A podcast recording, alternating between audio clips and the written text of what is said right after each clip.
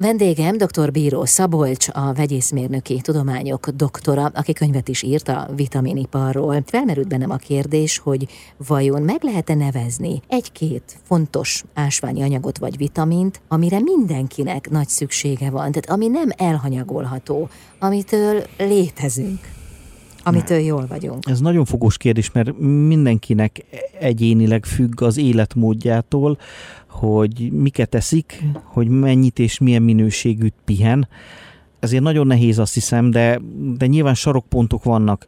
Tehát, hogy én azt gondolom, hogy, hogy a, a magnézium az rendkívül fontos a korunk emberének, a D-vitamint is nagyon fontosnak tartom, meg mellette a K2-t, de hogy, hogy ugyanígy fontosak a B-vitaminok, és hogy a B-vitaminok aktív formában legyenek, ami a szervezetünk számára azonnal felvehető és hasznosítható.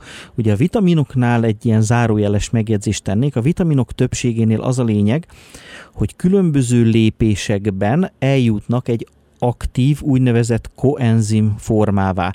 És csak ez a koenzim forma működik a szervezetben.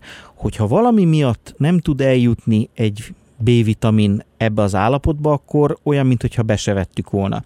Viszont ahhoz, hogy ezeket a lépéseket megtegye, átalakuljon, másra is szüksége van, például cinkre, magnéziumra, rézre, valamilyen úgy hívják, hogy kofaktorra, ahhoz, hogy gyakorlatilag ezek a konverziók megtörténjenek. És a probléma akkor van, hogy ha a szervezetünk máshogy priorizál, és más szükségletet fedez ebből, akkor nem alakul át. Szóval így nagyon nehéz röviden erre jól válaszolni erre a kérdésre, ez mindig életmód függő. Aki például rendszeresen fogyaszt alkoholt, nekik a B-vitamin az rendkívül fontos, mert hogy az alkohol kiüríti a B-vitaminokat a szervezetünkből. Uh-huh. Tudod, bizonyára sok hallgatónak ismerős az a képlet, amikor az ember azt gondolja, hogy mindent beszed. Tehát, hogy keres olyan multivitamint, amiben minél több hatóanyag van, és azt a feltételezést szűri le ebből, hogy akkor most biztos jól lesz. Hát nem, hát ha mindent beviszek, akkor majd biztos jól leszek. És aztán telik az idő, és kiderül, hogy nem változik semmi. Szóval azt gondolom, ez egy elég általános érvényű tapasztalat. Mi az oka? Én gyakorlatilag azt mondanám, hogy három anyagi paramétert célszerű vizsgálni. Egyrészt a minőséget, hogy milyen molekula az, ez ugye minden címkén a felsorolásban ott van. Nagyon fontos nem a táblázatban, hanem a felsorolásban ott van a minőségi. A mennyiség is számít, ugye ez koncentráció, de én azt gondolom, hogy a minőség az fontosabb, és lesz még egy, egy, egy eredőjük, ez a biológiai hasznosulás, ami ugye ez is egy, egy olyan anyagi paraméter, ami, ami befolyásolja. Például a biológiai hasznosulást az is befolyásolja, hogy mi mivel versenyez mondjuk a felszívódásért. Tehát például a kálcium és a magnézium ádáz versenytársai egymásnak, ahol jellemzően a kálcium nyer.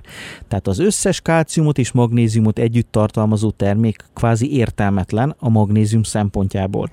Ezeket, ha már pótolni kell, egyébként az én véleményem, hogy kálciumot a felnőtt lakosság 98%-ának nem kell pótolnia, akkor ezt időben elkülönítve legalább 20 perccel érdemes megtenni. És egy, a csomó, az összes mikrotápanyag, ugye mikrotápanyagnak hívjuk a vitaminokat, ásványokat és nyomelemeket összefoglaló névvel, tele van egymást kioltó, ez az úgynevezett antagonista hatás, ami a cink és a rész például egymás ellenségei például a felszívódás során, de vannak olyanok is természetesen, amelyek segítik egymás hasznosulását, rendkívül sok összefüggés van, és hát, hogyha valaki nagyon jót akar magának, akkor érdemes olyan készítményt választania, ahol például erre figyeltek.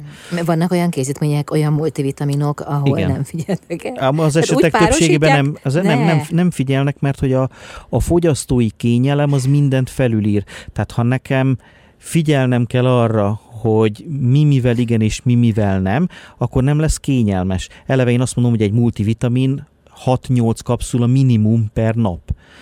E, na jó, de szembe megy a fogyasztói kényelmi elvárásokkal, ami szerint egy bogyóba legyen benne minden, és utána menjek a dolgomra, és az egészséggondozásomat ezzel letudtam. A rossz hír az az, hogy, hogy e, ezzel ugyan le lehet tudni, de jó minőségben nem. Ráadásul, hogyha így időben el van szét kell szedni gyakorlatilag, akkor itt naponta többször kell több kapszulát bevenni, ami akár macerának is tűnhet. Itt nyilván mindenkinek el kell döntenie, hogy mennyit akar tenni az egészségért. Én azt hiszem, hogy először tájékozódni kell, információkat kell gyűjteni ahhoz, hogy, hogy jól döntsünk. Vendégem dr. Bíró Szabolcs, vegyészmérnök.